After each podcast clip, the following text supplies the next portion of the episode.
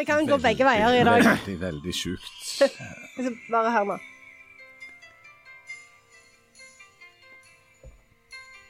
Vi skal vel snakke litt om Glastonbury.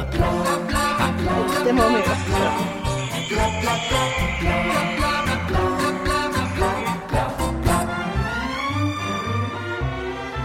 Ah, endelig er det ferie. Nå kan vi endelig kose oss med den svake krone og galopperende priser og irriterende familiemedlemmer og venner som ikke vet hvordan de oppfører seg på ferie. Hvorfor kan ikke folk feriereglene? hæ? Og hvor er Harald? Er Harald han andre i Wam? Ja.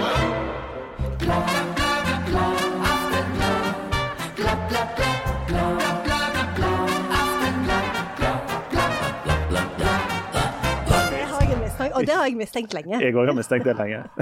Hjertelig velkommen til Aftenbladet. Her eh, er vi ja, litt feriemodus, Ja. eh, Janne og Jan, sant? Ja, altså Iallfall Janne hun har tatt på seg eh, en slags kreasjon med noe fjord og fjell og palmer på. Det er veldig forvirrende. En feriejumper. Jeg fikk litt dårlig respons på den. Jeg kjøpte den i går, faktisk. Nei? Ja, Mannen min syns ikke han var så veldig fin. Men du ser at jeg, jeg ser deg. ja. jeg, jeg er veldig fornøyd med han. Jeg syns han var veldig fin. Ja. Dere ser at det er liksom forskjellig Ja. Ett stoff liksom bak og ett på armene Ja, og ja. ett framme. Det syns jeg, det synes jeg er, Men er det, er det et tropisk tema, eller er det et nordnorsk tema? Han heter Greek Rose. Greek Ja, Rose. så Ja. Så det er Stavros, det eh, er en Stavros-klær. slags Stavros hommage. Det så, ja, det så ut som fire sånne uh, postkort som var liksom Ja, og det er det jeg liker. det? Jeg merker at det er mitt sommer, jeg, i år. Fire postkort limt sammen i en slags Hva heter den igjen? Jeg husker ikke det engang. Montasje. Montasje. Feel. collage. Kollasje heter det. Kollasje. Og så har vi òg med oss eh, selvfølgelig eh, Harald Birkevold. Harald? Nei, Harald har vi ikke med oss. Han Hvor er han nå? Han er, er- han, har, han har ferie, eller? Nei, ja, han har ferie. Såkalt ferie. Eh, Hjemmekontor? Nei, han er uh, Han har fri. har vi lov å si dette? Ja, men Vi har ikke lov å snakke om episoden, hvis det var det du tenkte på. Nei, nei, nei. Men det har ok, vi ikke men det andre kan vi Det andre kan vi snakke. Harald er, eh, har, fikk en spesialordning når han ble redaktør. og det var Han hadde ikke så veldig mange krav. Han skulle ha ekstremt eh, høy lønn og lav arbeidsmengde. Ja. Det skulle han ha. Og så skulle han ha fri ei uke i året eh, for å eh, rett og slett reise på eh, NM i boccia for senior. Harald har jo vært en eh, boccia-entusiast. Vi, vi, vi, har ikke- ikke snakket om det. Nei, vi har ikke nevnt det før, faktisk. Vi har jo prøvd å snakke med han Jeg har ikke hørt om dette. Oi, de har Har ikke snakket om det, Boccia. Ingen har nevnt det Det til er ikke noe vi ikke har snakke om dette. eh, Harald mener jo sjøl, og sjølskryt, det skal du lytte til, for Ja, det ja, ja. hjertet. Han mener at han har en veldig følsom høyrehånd. Og nå, Det kom litt feil ut, Ja. men, altså at han, men, men, men han har utvikla en teknikk med sånn overhåndsskru Han har det. på bocciakula. Å ja, han har overhåndsskru. det er jo Ja, det ja, som er den beste kasteteknikken. Ja, ja, ja. Og det Altså- er mange menn som ikke vil bruke den teknikken fordi de føler at det er De syns at det er en litt sånn feminin måte å Ja, kaste på. Den feminine er jo, er jo å, å bare rulle den bortover. Eh, det er jo overhåndsskruen som er den, som er den maskuline, for det krever et slags vipp på slutten. der. Og dette, dette er jo Harald snakket snakket ja, veldig mye om. Det er sånn. Ja, altså at du- ja, for jeg trodde han du- heiv den mer sånn. Nei, ja, hvis, du, hvis, du bare, hvis du bare holder den eh, og på, på en måte bare triller kula bortover, Ja. det, det er det noe eh, slapt og veikt over. Men hvis du, hvis, du, hvis du har på en måte hånd, håndtoppen på en måte pekende oppover, og så gir et lite, en liten sånn skru akkurat i det du slipper kula, sånn at du ikke satt tri skjønner. Trilling, men stopp. Ja, ja. Det som de eh, på fagspråket kaller å hive tjekkisk. ja. ja. Du hiver en Er det det Harald kaller det òg? Ja, fordi at i, i, og dette er jo Harald har jo mast om dette i Men altså, det, det er jo utgangspunktet et sånn eh, fransk-britisk-aktig spill. Dette, sant? Boccia bowl. Petanque. og petanque. Det heter petanque. Ja. Ja. og, og Bol- boccia, boccia, Nei, bol er det noe annet. Ja, Bo ligner veldig, men uh, boccia er jo, er jo strengt tatt et italiensk Ja, Men, italiensk. men, men det har vært et veldig sterkt boccia-miljø i uh, tidligere Tsjekkoslovakia. Nemlig. Ja. Og det var jo der Harald uh, lærte Ja. dette. For han, og dette stammer jo ifra når Harald reiste på um, interrail, Mm. bare med sykkel. De, de kalte det for interrail, men det viste seg at de hadde sykla. Sammen med uh, Aslak Sira Myhre, Ja. Tore Enberg og en som de bare kalte Geggien. og der de Hva gjør Geggy nå? Hæ? Hva gjør Geggy Nei, nå? han sitter ikke inne lenger, tror jeg. Men, Men han lever. Hæ? Han lever. ja, og le Hva er definisjonen? Leven. Ja, men iallfall, de reiste av gårde, da. De reiste av gårde og ble da hekta på, på, på boccia kom tilbake igjen. Danna, eh, dette laget, som de nå spiller senior-NMI. Og de er jo blant de aller beste. Mm. Eh, dette høres jo ut som noe som det, er- Her ser jeg for meg at det fort kan komme en sånn YouTube-serie. Absolutt. Ja. Absolutt, altså. Dette ble jo redningen for Harald, fordi han eh, etter han fikk sånn Han drev jo med sånn selskapsdans før, men så fikk han jo så enorme voksesmerter i en alder av 26. Han var jo seint i Og sikkert vondt i puberteten. kneet òg. Ja, veldig, veldig vondt Så var jo denne kneet. stive nakken Ja, veldig vanskelig å ta det der kastet i cha-cha-cha. Ikke sant. Så sånn er det når du får Om voksesmerter Harald har vært med på det der skal vi danse? Nei, han har Ikke ennå. ikke ennå. Han har eh, han er en av få som ringer og foreslår seg sjøl. Han foreslår Sist gang, sist gang eh, jeg snakket Vi kjenner jo en av disse her som, eh, som castet til dette. Og Sist gang hadde det jo ringt noen, som de sa, og foreslått at de kunne spørre um, kan vi få med en, en, liksom en gjeng som kjenner hverandre før, f.eks. Aslak Sira Myhre, Tor Renberg, Geggien og Harald. Ja. Men det var ikke danse, det var jo det boccia-mesterskapet. boccia-mesterskapet. Nei, da skal vi danse. Oh, skal vi danse, ja. ja. Og de tenkte at hvis de driver på med boccia eh, på eh, semiprofesjonell basis, så er de gode Nei, altså Den som hadde ringt inn der, hadde jo sagt at Hadde det ikke vært kult hvis folk, noen kjente hverandre før, så kunne det vært liksom en gjeng mot de Ja, andre, ja. så var det veldig trist hvis noen av liksom inni gjengen røyk ut og den type ting. da, og så um, Tingen er at De har jo sagt mye før at de når de reiser av gårde i lag, at de driver og liksom og bygger og, og pusser opp en sånn hytte, eller hva det er for noe, Ja. oppi eh, en annen plass. Um, Harald har et fast sånn bilde av en sånn der de står foran en vedstabel, men Ja, ja. det er fra 80-tallet. ja. Han poster det hvert år. Ja, så det de egentlig reiser på da, det er jo sånn boccia-trening. Så de, de boccer da noe. De har lagd sånn sandbane, tror jeg, faktisk der oppe. Ja, de har. Ja, hvor er de igjen, da? Hæ? Er det på Det er er, hemmelig? hemmelig Elverum. sted? Å ja, Elverum. Ja, ja, ja. NM, NM for, eh, for senior eh, Altså senior-NM i boccia arrangeres hvert år på Elverum. Det er dette Elverum er kjent for, det er elg og boccia. Mm. Gjerne en kombinasjon. En gang så drepte jo holdt jo Aslak Sira Myhre på å drepe en elg med sånn bocciakule.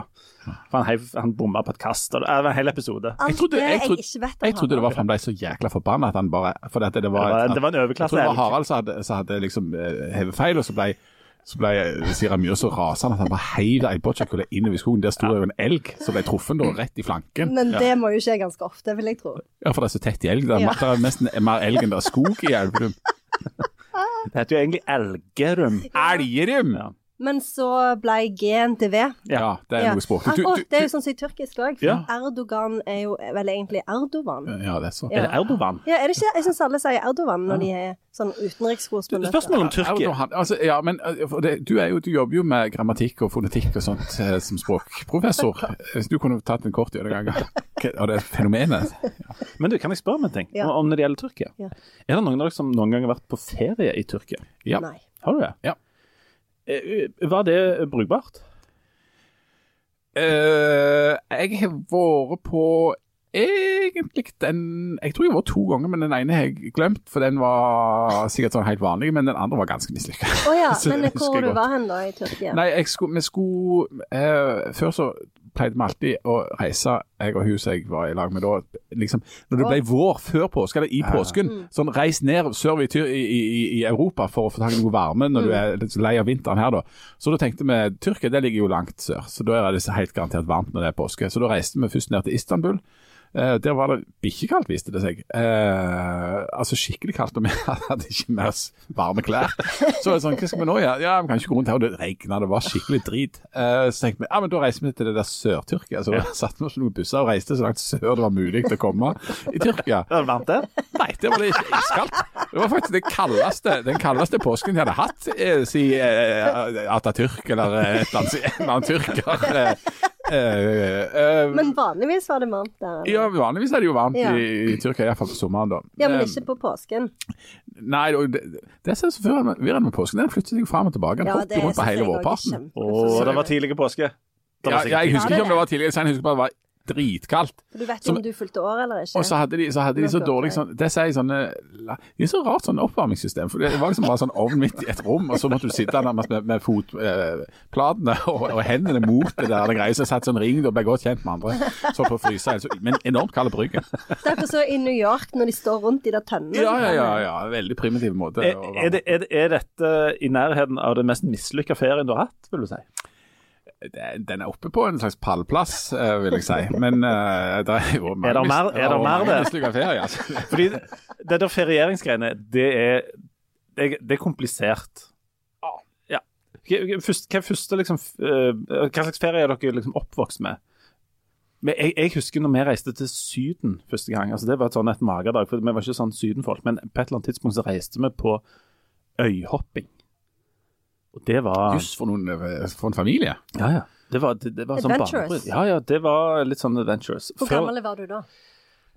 kan jeg ha vært eh, 13-14 år eller sånt. Før det så hadde det vært mye sånn Det var jo sånn mye sånn eh, kristenleir og campingvogn og sånt, og så hadde vi jo, har vi liksom hatt tilgang på hytter og sånn. hatt noen sånne bilferier. Jeg husker en gang vi reiste til, til Nederland. Og, og der drømmen var liksom å komme inn på dette City Gross-marked. Som viste seg å bare Da hadde han bare kommet halvveis, men far hadde noen ambisjoner om at vi skulle helt ut til, det, til den hollandske kysten. hollandske rivieraen. Men på dette City Gråsmarked, det var en enorm nedtur. fordi vi trodde jo at det var en slags sånn taxfree-aktig butikk, men der var det jo bare sånn, sånn eh, salsa i 25 liters kanner og, og sånn eh, 40 kilo smør og sånt. Tror, vi fikk kjøpt en bøtter bøtte med sånn skumsnop.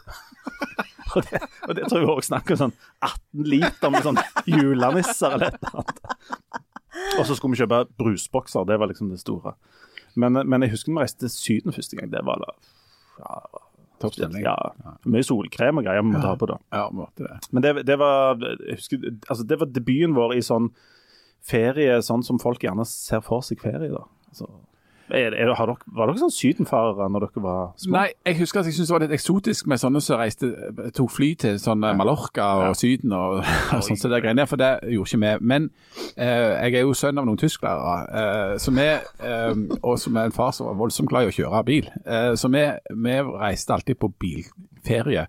Bremen. Ned- i Europa da, og stoppet flere ganger i Tyskland, for der hadde de venner som overnatta. Men så var spørsmålet hvor langt sør i Europa vi da reiste og hvor langt vi kjørte. Og, og det lengste var, uten at jeg da var egentlig klar over det, da var, da var vi nok i Syden. oh, ja. ja, eh, vi kjørte en gang eh, eh, helt ned til, til det jeg i voksen alder har funnet ut jo er eh, Kroatia. Eh, da, på den tida, den tida Det het det vel er jo et Jugoslavia. Ja, det var ganske langt. Altså til, til eh, hva heter det? Split og I- Dubrovnik Nei, ja, nei, altså eh, Rovinj. Og så, og så hver gang vi hadde sånn elle-melle-greie, og du skulle si en plass du hadde vært, og så hvis de andre hadde vært samme plassen, så kunne så, Kunne du slå til med Rovini? ja, Da slo jeg til med alltid Pula. Åh, Herlighet. du var tidlig ute der. Det hadde jeg vært, ja. Sånn at det, men det året, det var, det var liksom det lengste vi reiste da. Og da, det som var litt eh, Det jeg husker den for, er jo at vi, for det første så leide vi da altså ei campingvogn i Nürnberg, så vi skulle bo campingvogn på en campingplass i dette Litt av en prosess. Ja. Og så var det bare det at jeg på vei ned eh, fikk kusma, eller jeg jeg, jeg, jeg klarte ikke jeg klarte, kunne ikke ete noen ting annet enn vannmelon, så jeg lå i den der campingvognen og åt vannmelon. da. Og så I Nürnberg. Nei, nei, det var når vi hadde kommet til ja. Rovin. Men på vei nedover der, på vei ned før vi hadde kommet til Rovin forresten, så fikk jeg renna. Eh, og ehm, Så da husker jeg at jeg måtte, fikk jækla magesjau en annen plass i Tyskland til. Dette var samme, samme ferien. Eh, og da var remediet altså Jeg husker jeg, var så dårlig at jeg måtte gå når vi skulle inn på en sånn campingplass. Så gikk jeg på sida av campingvogna, for jeg klarte ikke orket ikke være i den bilen. Men da var remediet mot renna var jo kåltabletter, som var det jeg etterpå og tenker på at det var noe sånne, på et størrelse med en brikett omtrent som skulle ned, av rent kål, da, for å få stoppet eh, dette her. Ja, og det, Og det stoppte så Ja. kolossalt at det skjedde ingen verdens ting der på ei dryg uke. Og, og da eh, kom det en, en ny om- om- omdreining i den historien som jeg ikke skal fortelle her. Okay. Jeg kan bare si det at på den campingplassen så var det så var ikke jeg den eneste med magesjau, og de hadde ikke sånne do som du satt på, men du, det var sånne så du måtte sitte på huk. Eh, så der var det spylt godt opp etter veggen. så det var eksotisk. Er vi fremdeles på pallen på verste ferie, eller? Nei, men det er et godt minne. Altså. Jeg synes det var en fin tur. Janne, da? Janne, du er jo den av oss som tar dette med feriering på mest alvor, har jeg inntrykk av. Ikke sant? Dette er viktig. jeg er veldig opptatt av ferie. Ja. Eh, så når jeg var liten, så pleide vi å reise både i påsken og om sommeren til enten Mallorca eller Gran Canaria. Ah. Eh, eller Rodos. Og så etter hvert så begynte vi å reise på bilferie. Da hadde eh, mor og far kjøpt en sånn en eh, Mercedes stasjonsvogn uten baksete. For det Ja. hadde han jo ikke på den tida. Så de satte opp ei sånn sponplate baki der som jeg og broren min kunne lene oss til. Så det var gode greier. Og vi hadde dyner og kjempedigg. Ikke bilbelte og sånn? Nei, nei, nei. For at du, du holder deg jo bare fast. Ja. Hva kan gå galt? Og da cruiser vi nedover til Rimini, et ganske godt stykke eh, nede i Italia der. Eh, og da eh, var vi òg alltid på besøk hos eh, moster og onkel Alf, fordi at de, eh, han jobbet i Statoil. Så da eh, kunne vi besøke de der de bodde. Og så Og de eh, bodde alltid i Rimini. de bodde ikke i Rimini, de bodde i Ikke Rimini sentrum. De bodde i, litt utenfor Rimini. Nei, de bodde ikke der. De bodde i ja, de der Benelux-landene. Ah, alltid. Ja, ja, ja. Det var der Statoil syntes det var kjekkest å bo. Med olje Luxembourg. Få det bort. Luxembourg er jo et av de fremste oljeproduserende landene i hele Til å være så små, så er de veldig store boliger. Men har du, har du, du arva noe av dette fe, ferieringsgenet? Ja, jeg har vel kanskje det. Fordi at eh, jeg syns jo veldig godt om ferie. Eh, og syns at det er veldig kjekt å Jeg er sånn som liker det. Jeg liker å ha fri fra jobben. Gjør det? Ja, det syns jeg er gildt. Og så liker jeg å reise. jeg så det var noen som skrev det på noen er sosiale Ja, det var noen som skrev det på sosiale medier sånn Fuck alle de som er sånn jeg, jeg liker å reise. Hvem er det som ikke liker det, liksom? Ja, jeg holdt på å rekke opp hånda, men jeg skal ikke gjøre det. Men eh, for dette med ferie er viktig, viktig for deg, sant? Og familien og liksom eh, den eh, si, mentale well-being Ja, eh, jeg syns at det, det var jo eh, veldig tungt i eh, coviden. Og liksom bare ha det på det jevne hele tida. Jeg må ha litt sånn opplett innimellom. ja. Synes jeg Det liker jeg. Men hva er, det, hva er det det gjør med deg og, deg og dine at dere får uh, krysta for disse feriene? Jeg syns det er kjekt å være sammen og oppleve nye ting. Og ja, det er vel mest det. Å være sammen og oppleve nye ting. Er det det å være på ferie, eller er det det å vite at du skal på ferie? Begge deler. Og det merket jeg eh, veldig godt igjen under coviden. fordi det, det der med å ha noe Vi jo planlegger jo feriene veldig nøye. Mm. Eh, så det der med å ha det prosjektet, at du kan tenke å ja, da, på den strekningen tar vi tog, eh, hva hotell skal vi bo på, hvor skal vi dra? Eh, alt det er kjempegøy. Eh, så, så jeg syns at hele det der Altså, et ferieprosjekt det strekker seg jo over hele året. At du kan planlegge, gå og glede deg, og så reise og være på ferie. Veldig viktig å være veldig Carpe Diem-fokusert eh, når du er på ferie. bare for hvis ikke, ja, for hvis ikke går det veldig fort. Eh, Men la denne så- planleggingen høres ut som det motsatte av Carpe Diem. ja, eh, for at, eh, jeg er jo ikke en Carpe Diem-aktig person sånn fra naturens side. Så dette, for meg så er det enormt viktig, og det er kanskje det aller, aller viktigste, å eh, ha kontroll når jeg er på ferie. Eh, Sånn at jeg, eh, jeg For eksempel så, så tør ikke jeg reise tilbake til Mallorca. For jeg, jeg er livredd for å se sånn flatfull og sånn. Så det, det, det, er, det er mange regler, interne regler som gjelder til enhver tid. Det er det. Er det noen, Vet vi når dette med å reise på ferie ble en sånn vanlig ting? Altså, Når du leser sånne gamle bøker, og sånt, så er det jo en overklasseting å reise på landet. eller altså, sånt. Så Når begynte folk å feriere? Nei, det var jo med Hitler. Eh, Fordi at, ja, fordi at eh, Eller masse Bare, masseturisme bare nevne, det er, ne, det negative Det, det var før, men OK. Ja, ja, du kan, men du kan godt det, legge fram det, den begynte teorien. jo, det begynte jo med dannelsesreisen. Eh, altså, som du sier, at eh, overklasseungdommen skulle reise til Europa for å bli danna. Og så etter hvert så ble det jo, eh, med framveksten av middelklassen, så ble det jo sånn at middelklassen etterapte overklassen sine vaner, og så begynte de òg å reise. Og sånn så eh, eh, Jeg må minnes Julian Sands, som jo eh, er klart død. Han- Skuespilleren. ja, han spiller jo i Room of the View, og i Room of the View så det jo, jeg viser de jo fram eh, og, og, eh, både folk fra overklassen, middelklassen og arbeiderklassen som reiser til Italia med sånne Baydecker-guider, som jo var veldig populære på slutten av det for noe? 1800-tallet. Det er jo sånn reiseguide, sånn Lonely Planet for 1800-tallet. Ah. Så ja. Nå, Ja, ja, så, så, så turismen begynner egentlig altså, Opphavet nærmest er på slutten av 1800-tallet. og, og og um, Det første reisebyrået noensinne var britisk etter Thomas Cook, og ble etablert tror jeg, på liksom, slutten av, av 1800-tallet cirka. Uh, men det hele poenget da var at du i noen perioder av livet For dette var jo en helt ny tanke, egentlig. At du skal gjøre noe annet enn bare arbeide. Det er jo en moderne tanke. Vanligvis har jeg ikke tenkt på det før. at du, eller du arbeider, du holder på sånn, men at du skal ha noe sånn, at du skal reise vekk og være en annen plass og gjøre noe annet, det er en ganske moderne tanke. Men det begynte vel med at de arrangerte togturer tror jeg, til Sør-England eller til strendene på en måte der, eller ja, og det var jo òg knytta opp mot eh, dette med at en arbeider i fabrikkene fordi det var jo så forurensa. i byene. At en lengta jo ut mot sjøen for å, rett og slett for å kunne puste. En skulle rett og slett ha luft. Det var, det var på en måte det du begynte med, og eventuelt uh, kunne bade i sjøen eller, um, eller et eller annet sånt. Og så vokste jo dette fram sammen med, med på en måte rettighetene til arbeidere. Så det var jo en tid i historien der folk Ferie var jo uaktuelt. Du hadde ikke tid til ferie, for du jobbet jo seks dager i uka. Ja, ja og altså, Poenget er jo at mesteparten av menneskets historie har jo handla om å prøve å overleve og holde seg i live eh, og, og fø familien. Eh, så sånne ting som ferie, fri, ungdomstid eh, altså at, eller at du ikke altså, gjør noe annet enn å bare arbeide for å prøve å skaffe mat i munnen. Det er det stort sett folk har gjort i hele verdens historie. Mm. Så, så opp, altså, ideen om fritid, ideen om at det er soner i livet, enten i løpet av et år eller, eller liksom sånn i livet i det hele tatt, der du skal slappe av eller gjøre ingenting eller reise eller holde på sånn, det har ikke vært for massene et begrep som har eksistert i det hele tatt. Det har jo alltid vært en, en, en elite på toppen som jo der hele, hele poenget, eller liksom en av måtene å vise fram at du virkelig er rik på, at du ikke jobber. Mm. Altså at du gjør absolutt ingenting. Maksimalt går en tur ute i, i, i, i hagen, liksom. Det var jo alltid, ja, det var voldsomt inn og vær.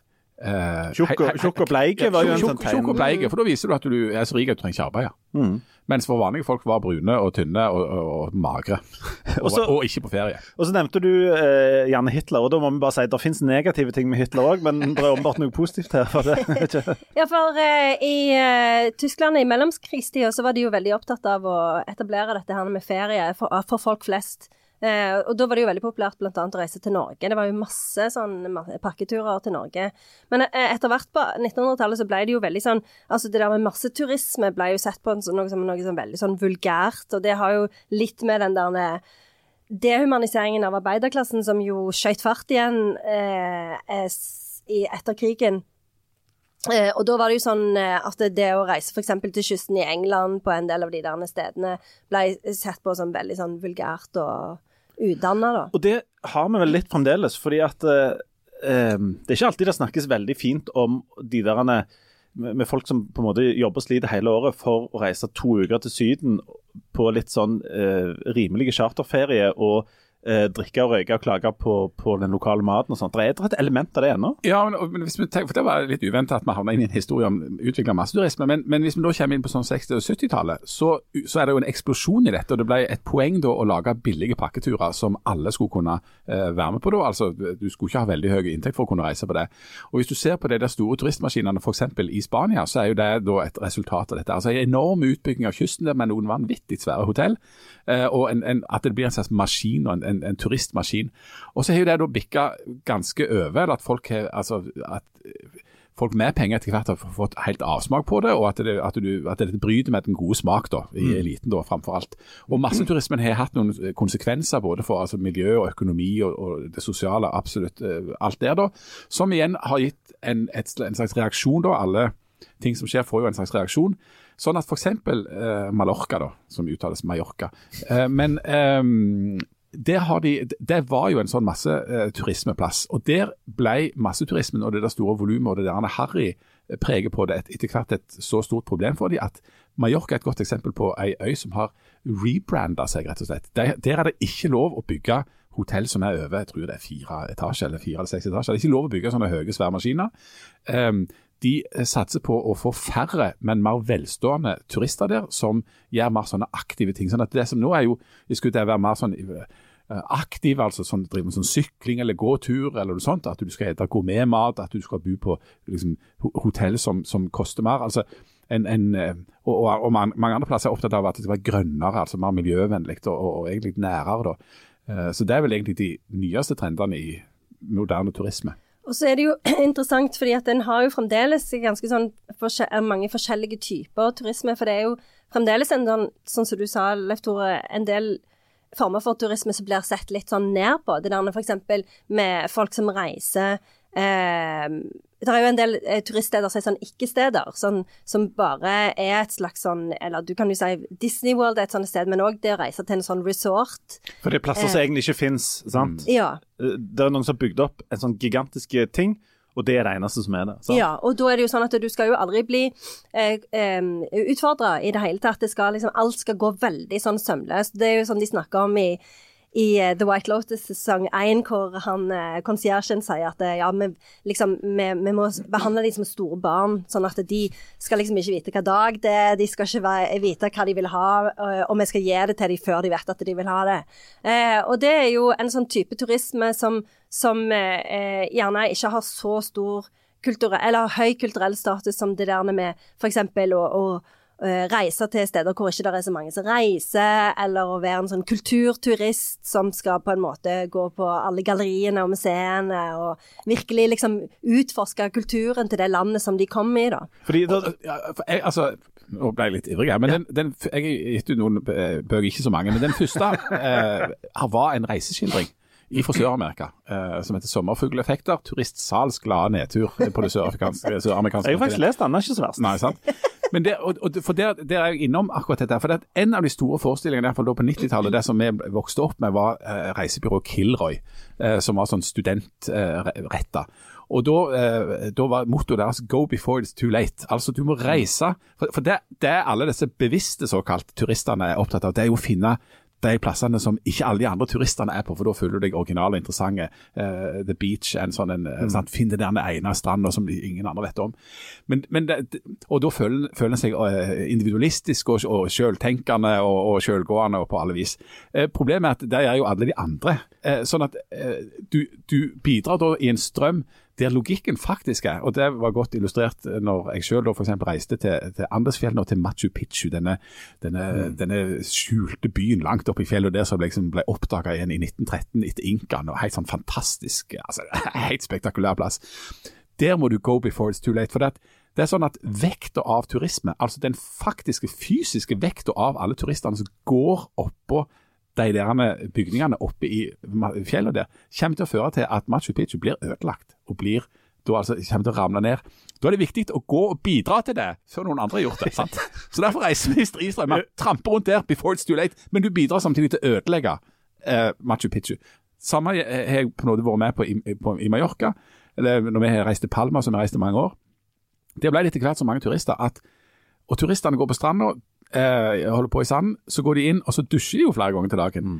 Altså All den sanden som har havna i avløpssystemet der, gjør at det klogger seg. altså Igjen, Den helt konkrete fysiske effekten av alle disse turistene gjør at du ødelegger plassen.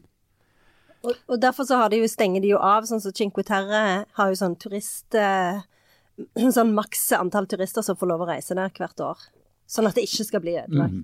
For det, det er jo det store paradokset med dette her, ferieringen og turismen som vi holder på med, er jo at vi vil reise til noen plasser som vi på sett og vis både er med å, å på en måte holde i live, men òg ødelegger på et vis. Um, når, når etter Airbnb kom, så skapte det skapte jo òg nye problemer. Det er jo plasser der som har, som har forbudt Airbnb, fordi at det ødelegger så mye for så Hvis du bygger et leilighetskompleks på, med 100 leiligheter, så er det 99 som kjøper for å leie ut på Airbnb. og Da er det vanskelig å holde gang i, i på en måte eh, samvirket der, og, og få folk til å vaske gangene og være med på dugnad. Um, For eksempel i Palma. For på Mallorca. Ja. Der har de forbudt dette. Vi, og vi liker ikke å bo på sånn, sånn all inclusive eh, sånn resort-greie.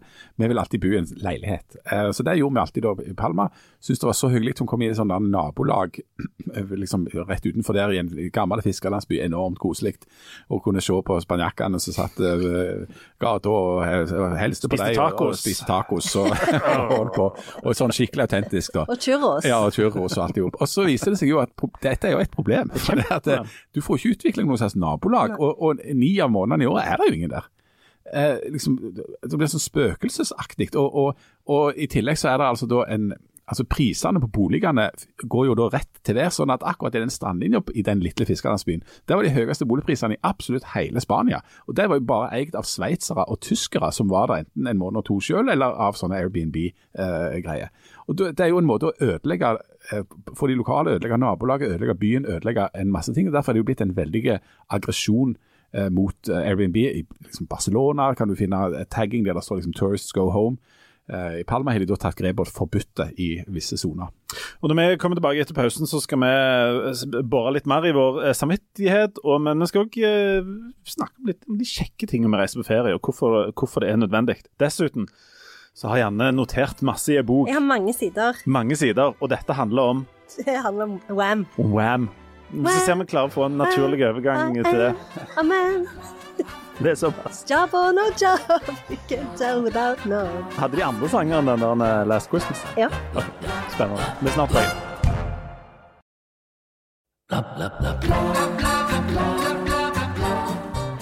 Og hjertelig velkommen eh, tilbake til vår eh, feriespesial. Eh, vi var eh, djupt nede i hvordan, hvorfor turismen ødelegger eh, ja, plassene vi reiste. Re- Reiser dere med sånn kløyvd samvittighet når dere reiser på ferie? Altså, først flyr vi ned eh, og, og bruker masse uh, bensin eller diesel. Hva er, det, er det bensin fly går på, eller diesel? De går vel flybensin? Ja. Det er jo spesiell bensin. Special gas. Ja. Special gasoline. Ja. Men så reiser du ned der, airplanes. ja. og så trør du, trør du ned den plassen du er, og så eh, bruker du eh, masse penger, og så reiser du hjem igjen. Gjør dere dette med god samvittighet eller dårlig samvittighet, eller, eller prøver dere å være sånn avanserte turister som er sånn Nei, altså jeg gjør det med ganske god samvittighet og prøver ikke å være avansert. Det strever jeg mer enn nok med resten av året. Eh, og definisjonen av ferie er jo noe, gjerne noe annet. Men, men eh, det er jo en dobbelthet her. For du reiser av gårde og bidrar til masse CO2-utslipp, og så reiser du ned og så bidrar du til å eh, tråkke ned Machu Picchu og, og få bussrutene i, i Palma og, og kloakksystemet der til å ikke funke lenger. Men samtidig er jo dette noe som holder liv i en hel drøss med plasser og land og alt det der. Altså, turisme er jo den viktigste inntekten. eh, For sånn Hellas og, og, og Spania eller Italia, så er det, om ikke den viktigste, så er det, liksom topp. Det er, det er en av de helt store industriene i verden, turisme. Um, og det, og det er jo eh, sånn at det bidrar til, til levebrød for disse plassene som en ødelegger. Og samtidig så tror jeg det er helt fint at folk uh, får smakt på noen andre mater og, og fått litt sol på kroppen, eller, eller får opplevd noe annet eller gjort noe annet. Og, men vi, vi er egentlig veldig sånn enkle. Reiser og gårde en annen plass. Har planlagt hvor vi skal bo, men egentlig ikke så veldig mye sånn aktiviteter. Så vi driver ikke på med sånn her sykling oppover eller bortover, eller uh, gåing av turer på sånn avanserte måter. Du da, lektor, du er vel en typisk eh, Nei, altså, men nei, vi driver, har motsatt taktikk av Janne og de akkurat nå. Vi aner ikke. Men vi får se. Eh, Fremdeles så får dere se. Ja, ja vi, vi får, skal fremdeles se, ja. Vi får se. Det er jo snart sommer nå. Det er snart, snart sommer. Vi, vi, er nødt til å komme i gang. Eh, I år kan det være at det blir en slags sånn eh, kjøreferie nedover. Men det blir i, i så fall nokså sånn uplanlagt og, og på sparket. Men eh, vi merker jo at det er en viss forventning om at du skal feriere ordentlig når du først kommer til sommeren. Altså at du skal liksom du skal dra til litt. Og så hvis du, hvis du da reiser på sånn, eh, på sånn pakke, sånn eh, person med svenske med skilt, eh, bamseklubb all inclusive-greier da, Når du kommer hjem det, da må du da Du kan ikke bare si at du har vært på det. Da må du holde en forsvarstale for det. Sant? Du må det. Jeg ble veldig distrahert når du sa Bamseklubben. Har jeg sagt at jeg traff han som tegnte bamse en gang når vi var på Gran Canaria? Når Nei, jeg var med men- i Bamseklubben. Men dette vil vi gjerne høre Ja. om. Kan jeg bare kan jeg snakke om det nå? Absolutt. Fordi at han, uh, Leser dere Bamse, 'Verdens sterkeste bjørn'? Ja. For det var jo alltid bilder av han. han. Han tegnte jo alltid seg sjøl når han satt der under palma med ei sånn Mm. ei badekåpe og så skrev var veldig opptatt av at han likte så veldig godt å reise til varmere strøk. En gang vi var på et sånn hotell på Gran Canaria, så så jeg han. Nei, Og jeg var jo selvfølgelig med i Bamseklubben hvert år. selvfølgelig. Ja. Eh, og eh, så sa jeg det til de. Det er han som tegner Bamseverdens dagsbjørn. bjørn. Så var de sånn Ja. Å, ja.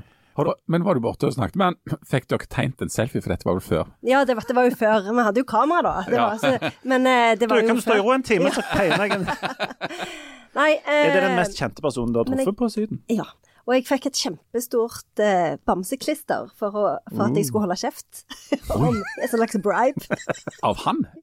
Ja, av, nei, av eh, miniklubbfolk. Ja. Nei, det er det- bamseklubbfolk. Men det er det mest kjente du har truffet Ja, på, var aldri, på aldri, det var veldig lite kjendiser på har- sydenferie. Jan, har du truffet noen kjente på ferie på Syden? Ikke Syden Nei. nei. Jeg har truffet Jeg, jeg har en eh, Jeg skal ikke si en, en, en traumatiserende opplevelse, men Ikke, ikke traumatiserende. Det var ikke, ikke traumatiserende heller. Vi var en eller annen plass i Syden, tror jeg, sånn Kreta eller noe sånt. Og jeg hadde, eh, hadde nettopp kjøpt uh, meg noen nye sånne flip-flapper, Eller sånn sandalgreier og sånn. Så var vi nede på, på stranda. Og der der, eh, var det òg to stykker som eh, drev og spilte sånn volleyball eller noe sånt. Voldsomt gode. Eh, så syns jeg jeg kjente igjen den ene der.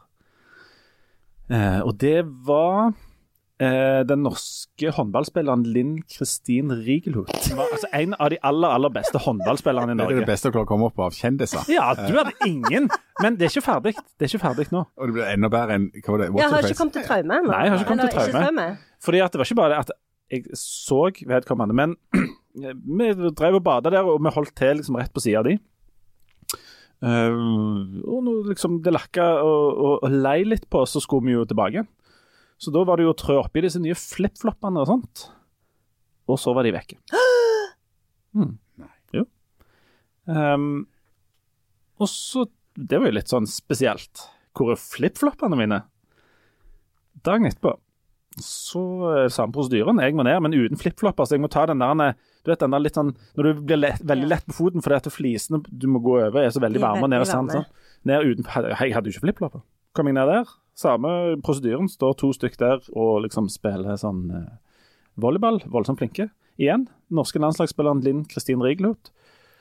Og de står der og spiller, så plutselig ser jeg hun trø oppi et par flipflopper. Nei! Og jeg vil jo ikke anklage noen for noe her. Men det var de samme flipfloppene som jeg hadde kjøpt tidligere. Herlighet.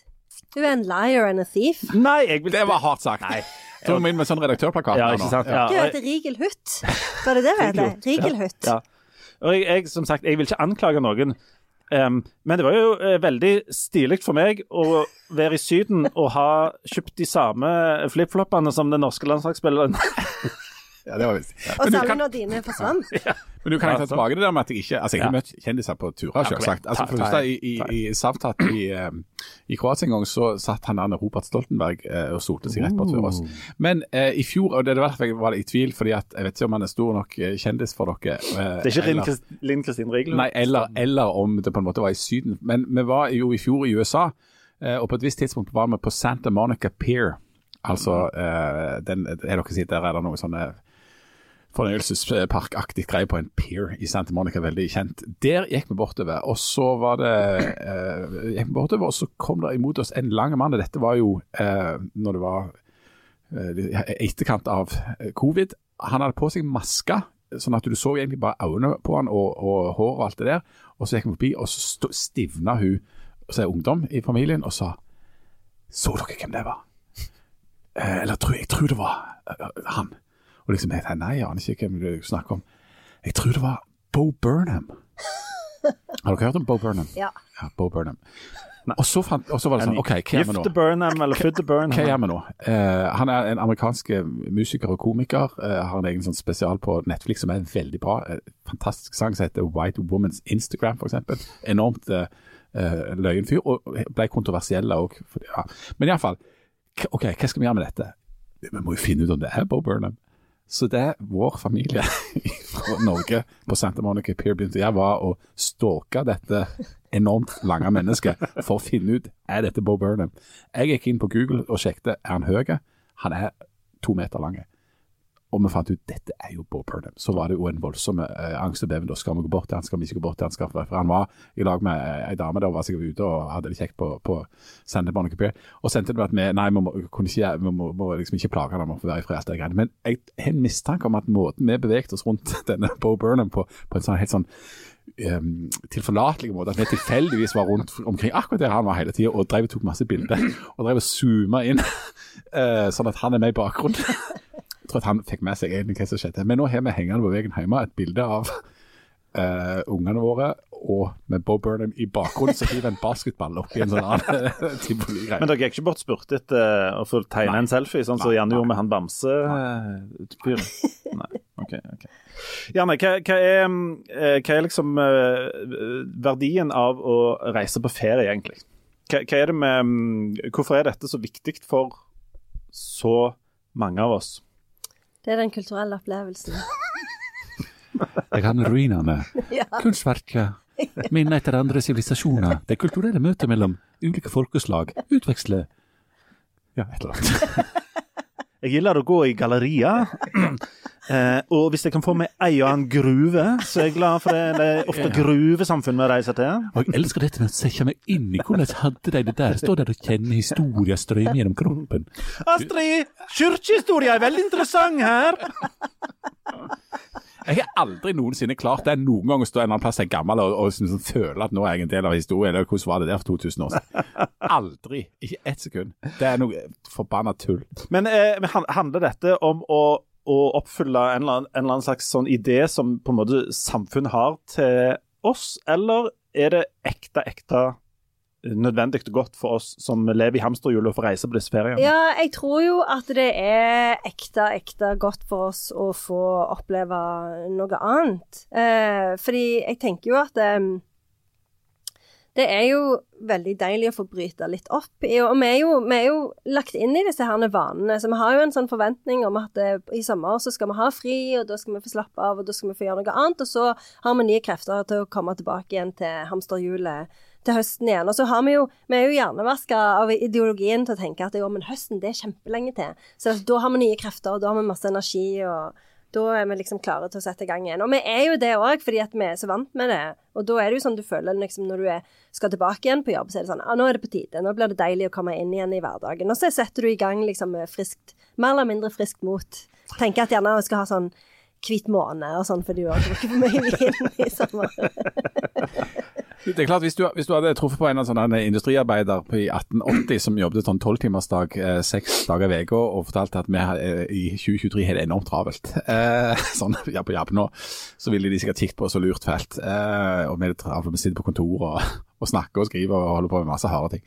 Men, men, men tingen er at vi, har iallfall en, en opplevd travelhet i løpet av året som, som gjør Altså, det er veldig mye eh, rutiner og krav og ting en skal gjøre. alt det greiene der. Så jeg tror folk har godt av å få kobla av. Og, og den ideelle sommerferien varer jo så lenge at du på et visst tidspunkt kjeder deg og gleder deg til å komme tilbake på jobb. Det, da mener jeg at ferien har oppnådd det som er målet. Og glemme passordet Ja. til datamaskinen. Ja, det Men det jo er jo smart, et ekstremt privilegium, det er jo ingen tvil om det. Og det eh, Jeg kjenner jo Jeg har jo litt sånn jeg har jo litt sånn dårlig samvittighet på en måte for det, og så har jeg dårlig samvittighet for miljøet, og så har jeg dårlig samvittighet for alt. Men det har jeg sånn jevnt over hele året. Mm. Ja, så, det får vi leve med. Ja.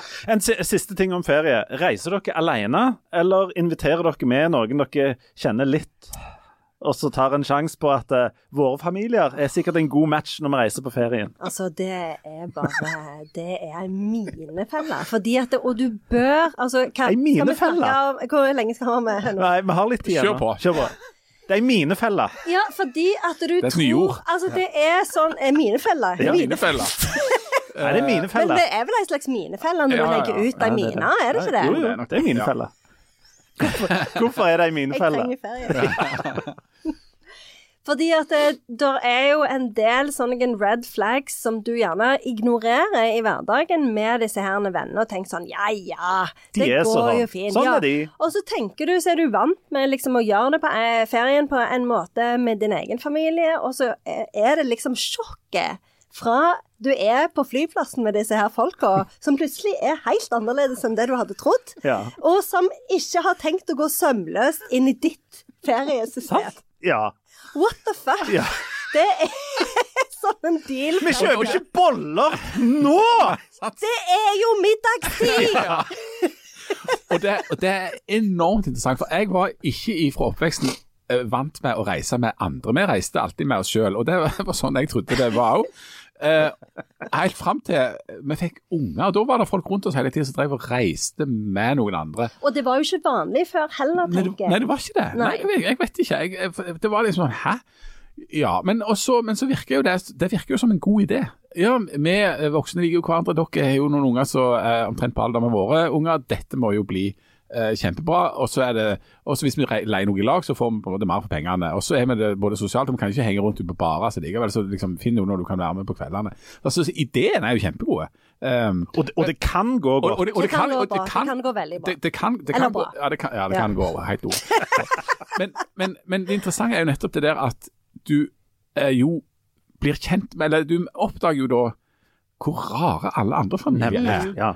Og jeg kan ikke tenke meg at de andre familiene tenker det samme om oss. Nei, nei, nei, vi nei, jo- Vi, vet jo, vi kan jo reglene for Ja, ferie. vi vet jo hvordan dette fungerer. Ja, nemlig. Og vi, vi har jo hatt en sånn utvikling der. Og, og så er det sånn at de, og de kan være verdens greieste folk og kan fungere på verdens fineste måte, men på et visst tidspunkt i et, et stykke uti det, så, vil du, så tenker du jøye meg, for det var veldig rart. eh, Hvorfor gjør de akkurat sånn?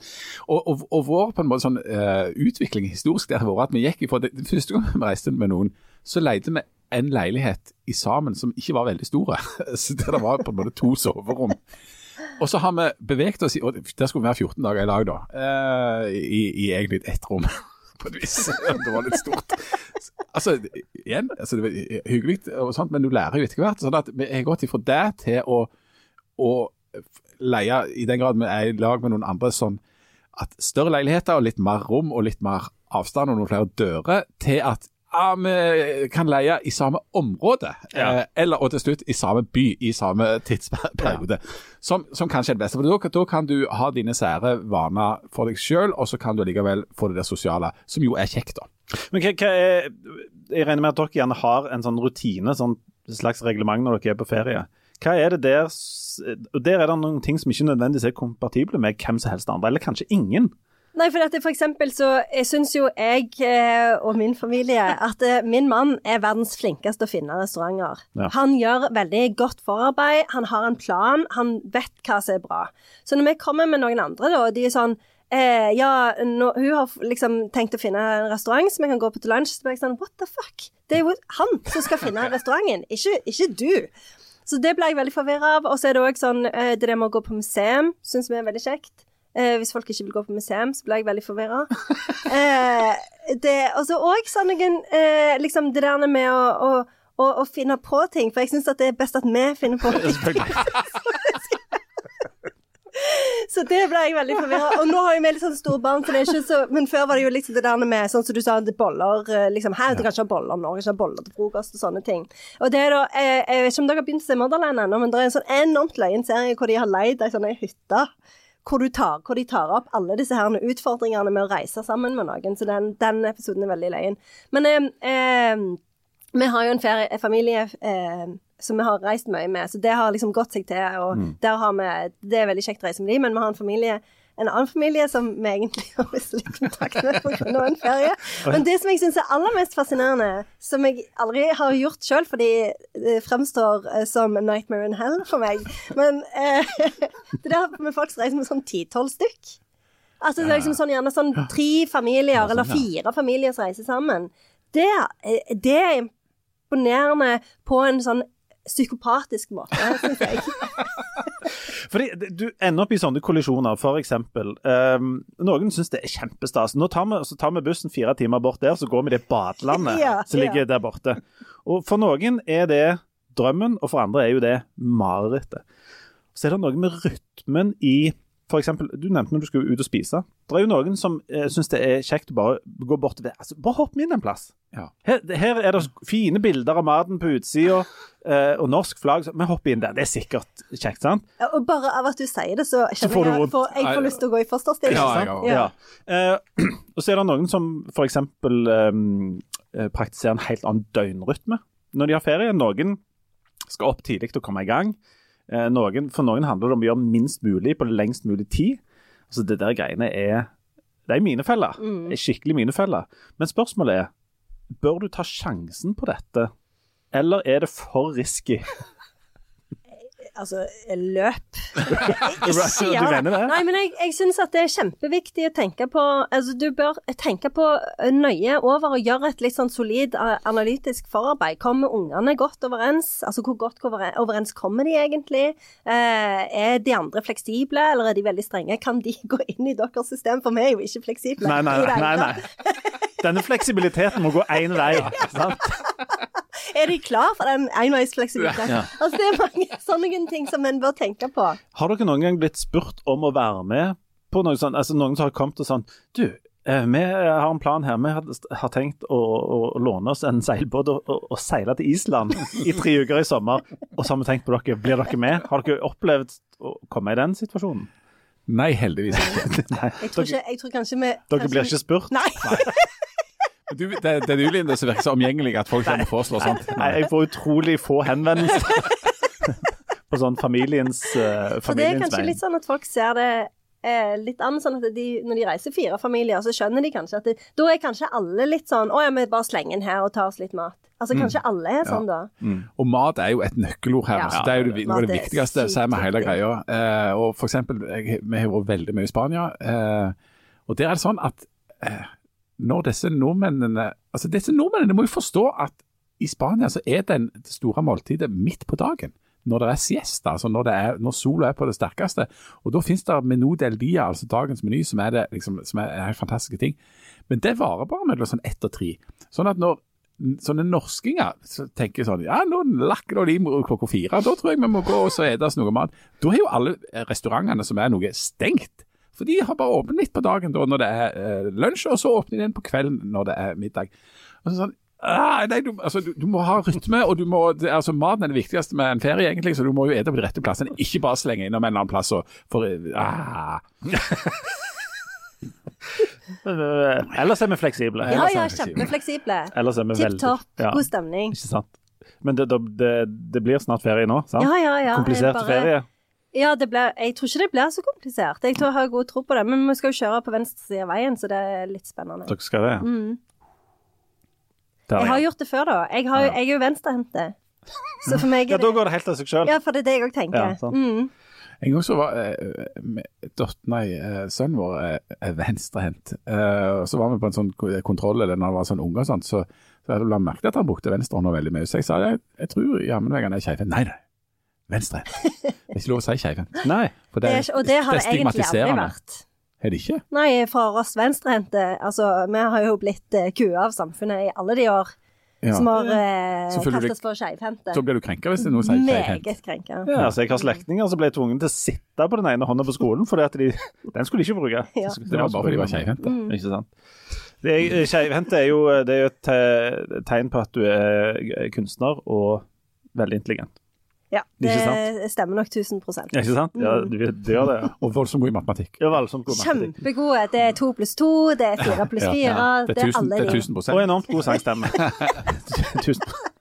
Du får ekstra god sangstemme hvis du er det. Og når vi snakker om sangstemmer Janne, du, har, eh, du, du overrasker oss med en melding. Vi hadde jo egentlig i dag tenkt å snakke om den, eh, den andre russiske revolusjonen, oh, men den varte jo bare i tre kvarter. Han gjorde jo det, og nå, men har han forsvunnet, han der? Eller han ikke? Prigozjin. Ja, Ja, har han forsvunnet eller ikke? Nei, nei, han er jo det sånn Belarus. news, Ja, ja. men, men vi får komme tilbake til det. Um, for øvrig en forvirrende opplevelse. Jeg satt og skulle se en vikingkamp. Det var veldig Og så var, var, det, var det litt sånn touch and go om hva som varte lengst, denne russiske revolusjonen eller den vikingkampen. Og vikingkampen viste seg å vare lengst. Var det ekstraomganger? I, I den russiske revolusjonen var det det, men ikke vikingkampen. Allikevel varte vikingkampen lenger. Nei, det, vi får komme tilbake til de tingene der. Fordi Janne, du sendte en melding til oss der du bare skrev 'wam' i masse svære bokstaver. Som gjorde at meg og Jan var, tenkte litt sånn eh, hæ? Eh, Jan virker jo veldig begeistra. Ja. Nei, men du, du, du, eh, du ville snakke om Wham. Fordi at det kom jo en sånn en Wam-dokumentar på Netflix nå. Som alle vet. Ja, 5. juli, så jeg har venta på veldig lenge. Eh, og um, Folk er forskjellige. ja, jeg bare eh, sånn, Jeg var veldig, veldig stor fan av Wam. Og det er jo kanskje et av de bandene som jeg egentlig ikke har hørt på så mye. Eh, Jeg er ikke så stor fan, Nei, kanskje, da. nei, men eh, jeg, jeg har jo noen sanger som har liksom eh, Men jeg, jeg, altså, jeg var såpass stor fan at jeg kan alle Wam-sangene utenat ennå. Så du kan liksom bare sette på For nå, nå hørte jeg på De fleste kan jo én Nei, to, kanskje. Én. Ja, men jeg, jeg kan Jeg tror jeg kan alle. The Last. Christmas. Ja, og Careless Whisper. Eller Charles Whisper, som vi jo trodde det het i Sandnes. Eh, og så syns jeg Jeg vet ikke, jeg syns det er interessant med OM, fordi de, det er jo et band som bare varte i fire år. Fra 1982 til 1986. Og når de kom ut, så var det jo veldig sånn Folk skjønte jo ikke helt hva det var, fordi George Michael var jo veldig inspirert av soul-musikk, så han lagde jo eh, en slags Det var jo rap. Altså de to første sangene deres var jo eh, rapping. Eh, og så hadde de jo litt sånn kort hår og så skinnklær, så det var jo mange som tenkte sånn Å ja, dette er liksom sånn eh, eh, eh, punk som har blitt mainstream, med litt sånn glam-elementer. Folk var veldig sånn usikre på hvor de skulle plassere de. Eh, og så er det jo denne her wam-rap. Den handler jo om eh, å være arbeidsløs. At du liksom skal Du er arbeidsløs, men du er liksom på en måte i godt humør for det. Ja. Du feirer liksom denne friheten eh, som, som, eh, som eh, det innebærer å være arbeidsledig. Og på grunn Altså, Eh, og eh, på en måte så var det jo litt sånn Den første sangen var jo litt sånn rebelsk, for på den tida så var jo folk i en sånn en Thatcher-eufori fordi at eh, England hadde nettopp kommet ut eh, seirende av Falklandskrigen, og det var en veldig sånn sterk form for patriotisme. Men etter hvert, da, så må de komme ut med altså Klubb Tropicana og alle disse herne, Wake Me Up Before You Go Go, og ble liksom enda mer sånn eh, 80-tallshedonister, så var det jo veldig mange som så på de som rene Altså sånn eh, på en måte sånn manifestasjonen av thatcherismen, liksom. Denne typen eh, jappete eh, eh, eh, stil og med null innhold, på en måte, som, som hele den perioden sto for. Og, og på den tida så var det jo òg Det er jo veldig løye, fordi Eh, på den tida så, så, var det jo eh, Det er jo kanskje Wam som på en måte i aller størst grad er, um, omfavner liksom det der overfladiske 80-tallet som vi ler av nå, med liksom pastellfarga klær og Diana-hår og veldig sånn overfladisk.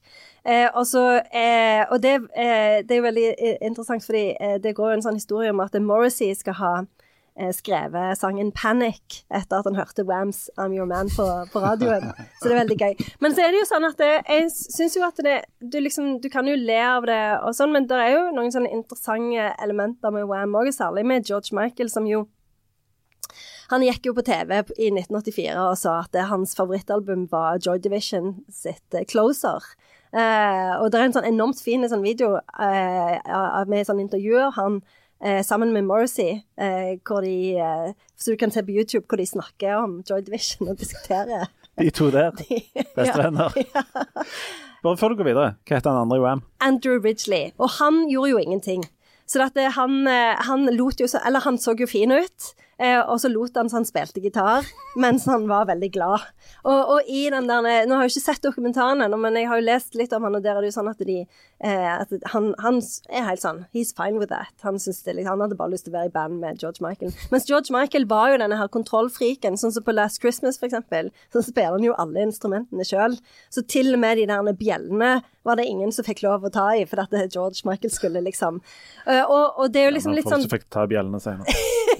men det er jo òg Nå ser jeg jo at Jan er klar til å gå, men uh, det er jo liksom tragedien med George Michael, fordi at han uh, var jo um, homofil i en periode hvor aids ble en sånn en, epidemi og det syns jeg er litt sånn interessant, for på begynnelsen av 80-tallet så var det liksom, det virka som det var veldig mange sånne muligheter òg for eh, det å være åpent homofil. For du hadde jo veldig mange artister sånn som Jimmy Somerville, eh, Mark Allman, eh, Holly eh, Johnson, Joy George, som var veldig sånn eh, androgyne og åpent homofile. Eh, og det var jo det der med gayness var jo liksom en sånn en ting. Eh, men, men Wham ble jo branda som veldig sånn altså De skulle jo trekke jentefans, da. Eh, og etter hvert som, som 80-tallet skrev fram og aids-epidemien ble et kjempestort problem, så ble jo gayness-ideologien eh, veldig uglesett. Altså gayness var jo sett på i pressen omtrent likt sånn som wokeness er sett på nå. Så det jo, ble jo noe sånn veldig negativt. Så det er jo også sånn det har det jo òg blitt skrevet en del om i det siste, hvordan liksom det med, med gaines kunne blitt noe helt annet hvis det ikke hadde vært for denne ekstremt katastrofale effekten av aids-epidemien. Så jeg tenker at den eh, dokumentaren gleder meg til å se, både fordi jeg har lyst til å se om det, men òg fordi det, det, er mye sånn interessant med den perioden i historien. Men altså, George Michael var ikke åpent homofil Nei, for at han, Wham Nei, så han, kunne jo, han ble jo eh, ikke åpent homofil før han ble tatt nei, i en sånn aksjon ja. i LA. Men, eh, men, eh, men, han og han kunne jo ikke, fordi de ble jo branda som et sånn et boyband. Så mm. han hadde jo ikke noe altså Det var jo de og Duran Duran og Spandau Ballet og en del av disse. Men jeg, jeg, har, også, jeg har lest om at denne her liksom denne, den aids Det har vært mange fine serier om på en måte denne aids-epidemien og sånt, men at den hele det der komplekset der forsinker på en måte en del av disse her tingene med med liksom, det å kunne leve åpent uh, som homofil og alle de tingene med ganske mange år, rett og slett pga. aidsen. At hvis det ikke hadde vært for den, så hadde vi gjerne ligget ti år lenger framme enn vi gjør nå. Mm, og det er jo, altså, de, de, fleste forskere er jo enige om det, faktisk. Så det er jo en stor tragedie at den aids-epidemien Altså, det er ikke bare ti år, kanskje enda lenger. For dette på begynnelsen av 80-tallet så var det jo en sånn en bevegelse ja, mot å åpne opp. Ja. Nå havner jo denne samtalen en helt annen ja, ja, ja. plass enn en det, som, det, som, var utgangspunktet. Og, Ta Wam tilbake. Ja, Da må vi tilbake til Wam, og må tilbake til den tida der de faktisk holdt på, eh, i de fire åra, der altså ingen visste at, uh, at, George Michael var homofil. Det hadde ingenting med det å gjøre i det hele tatt. Tvert imot. Selv om så, det var jo mye snakk om det. Ja, det var men, jo mye snakk om det fra begynnelsen. Men det det jo ble branda som, og det som jo var noe av greia, var jo at dette var to fløtepuser som var veldig populære blant jentene. Mm. Eh, og uh, Wam representerte jo jeg, jeg, var jo ungdom på dette tidspunktet. Wam representerte alt det verste jeg kunne tenke meg. Uh, mm. Altså, i, i, mitt miljø så var dette det verste det var mulig å komme opp med.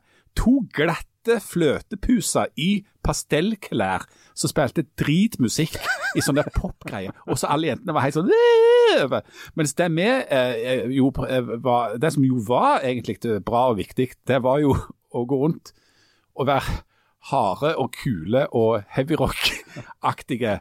Vel å merke litt seint ute i puberteten og ikke så høye eller harde eller på noen som helst måte. og Egentlig helt feil klær og ikke sjans på damejentene.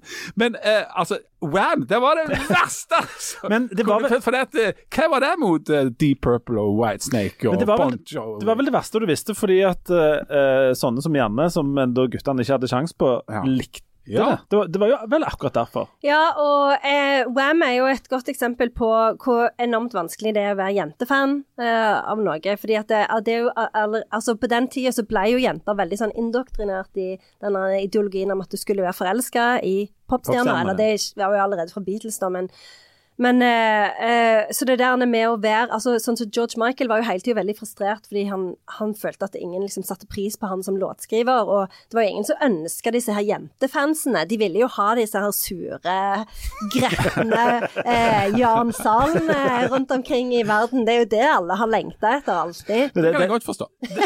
Dette, dette er jo grunnen til at en del av den musikken som der det store, store overvekten av publikum har vært damer aldri har fått blitt anerkjent blant kritikerne som har vært menn.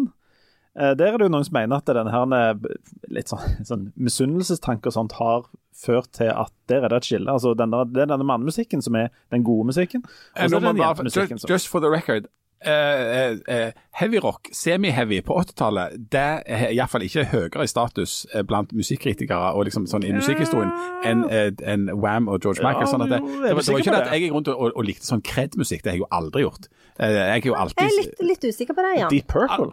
Ja, de, jeg hørte på Twisted Sister, på um, Bon Jovi, altså det er litt blanda drops. Litt blanda. Semi-heavy på 80-tallet eh, med sånn stort hår. Eh, Motley Crew. Altså, det er ikke Det var ikke kred da, og det er ikke kred nå. Selv om det var masse folk på Tons of Rocks, uh, Rock i uh, Akkurat Oslo. det. Ja. Ja.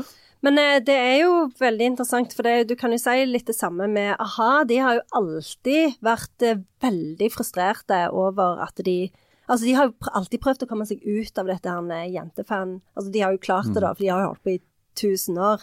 Men, men det var jo òg noe som de var veldig frustrert av til å begynne med. Eh, at de, Å komme seg ut av den der jentefanklubben. Når mm. kommer denne Wam-dokumentaren? Den er ikke Fem, til scenen? 5. juli. Eh, og jeg syns jo det er veldig interessant dette her med òg Altså, eh, fordi at det, Wam er jo de, er jo de har jo to typer sanger. De har jo disse veldig sånn opp beat, eh, sånn 'Wake Me Up Before You Go Go'. Og så har de disse her veldig sånn triste balladene. Mye svik, mye dårlig stemning, mye sånn fordekkelse og lyging og sånn. Eh, og jeg tenker at det, det som er interessant med Wam, er jo òg det der med at du Altså, det er veldig sånn Musikk kan ta deg til et fint sted. At det er, det er noe som Wam står for å representere. Og det tenker jeg at det kan være bra. Og svik dårlig stemning og sånt, det er jo òg feriens Altså, Det er det er jo jo omtrent som å beskrive en ferie. Ja, det er jo feriens kjerne, vil mange si. kjerne, ja. Men har vi ikke tid å snakke om Glastonbury nå? Nei, det har vi ikke tid å snakke om Glastonbury. en, kan vi si én ting? Jeg vil si én ting om Glastonbury. Alle må jo se eh, de klippene av Rick Astley, som har fått sin ja, renessanse. på. Det er så fantastisk. Rick Astley har en hel konsert med Blossom hvor de bare covrer The Smiths. Og at Rick Astley er tilbake på Glastonbury på hovedscenen og synger sine egne sanger i 2023. Det er helt Det under- er Det, er, det hadde jeg aldri trodd. Undergangstegn. Nå kom jeg på hva som var enda verre enn Wham Rick Astley. Rick Astley. Jesus Jeg følger Rick Astley på Instagram nå. Fordi at jeg bare, og når han synger og eh, Harry Styles and As It Was, og plutselig drar inn Take On Me Ja, ja, da er det mye. Men du vet hvorfor folk vil ha Rick Astley som president? Hvorfor? Never gonna give you up. Never gonna let you down. Never gonna run around and desert you. Never gonna make you cry. Never gonna say goodbye. Never gonna tell you a lie and hurt. Jeg skal kjøpe den T-skjorta til alle i podden Vi i, forventer- eh, ferien. vi forventer gaver. vi- Ja. Ja, nå trenger vi ferie. Nå trenger vi ferie. Og så må vi bare si til folk at eh, vi håper at så mange av dere som, eh, som har mulighet, tar kontakt med Harald, helst direkte på Instagram, tekstmeldinger eller lignende, og ønsker han lykke til med senior-NM ja, i boccia. Heia Hva heter det laget? Jeg husker ikke hva de heter. Nei. Og så må vi si en annen ting, at nå skal vi ta ferie, men vi tar ikke ferie. For vi har spilt inn eh, fire episoder som skal gå i sommer, det som er litt sånn eh, inspirert av sånn som vi gjorde i fjor. Vi skal ta utgangspunkt i oss sjøl, og så skal vi snakke, snakke om snakke om eh, noen eh, eh, forskjellige ting der. Så Vi det- tar ikke ferie. vi tar ikke ferie. Aftenbladet er hviler aldri. Her er, det, her er det gaver til alle. Husk å ta kontakt med Harald. Eh, Ønsker han lykke til i NM for eh, senior-NM i boccia i Elverum. Eh, og så tar vi ikke ferie. Vi snakkes hver uke framover. Eh, god ferie. Ha det. God Ha det. sommer. God sommer. God sommer. Jeg bare eh, Nei, alt fra For meg henger jo alt dette sammen. Men eh, for jeg har jo kommet en ny bok eh, nå så eh, hvor eh, ei, en sånn amerikansk journalist mener at Shakespeare var ei dame. Og hun har jo fått så mange dødstrusler. Og folk For det, hvis du ser på ei sånn liste, hva er det å være britisk, så er liksom Shakespeare helt på toppen. Han kommer før dronninga, Beatles eh, Overgrep i utlandet. utlandet. Alle de der alle tingene. De tingene. Ja. I å være britisk. Ser du det? Ja, og det syns jeg Det er også var litt kjempeløye. fascinerende. Mm. Men jeg tror òg For det var da jeg tenkte på Elton John, for jeg tror nok Elton John òg er ganske høyt på den lista. Spar. Ja. Spar. Det er, det er, så, det er så mye. Jeg har så mye. Og så er jeg veldig eh, Ja, ennå. Ja.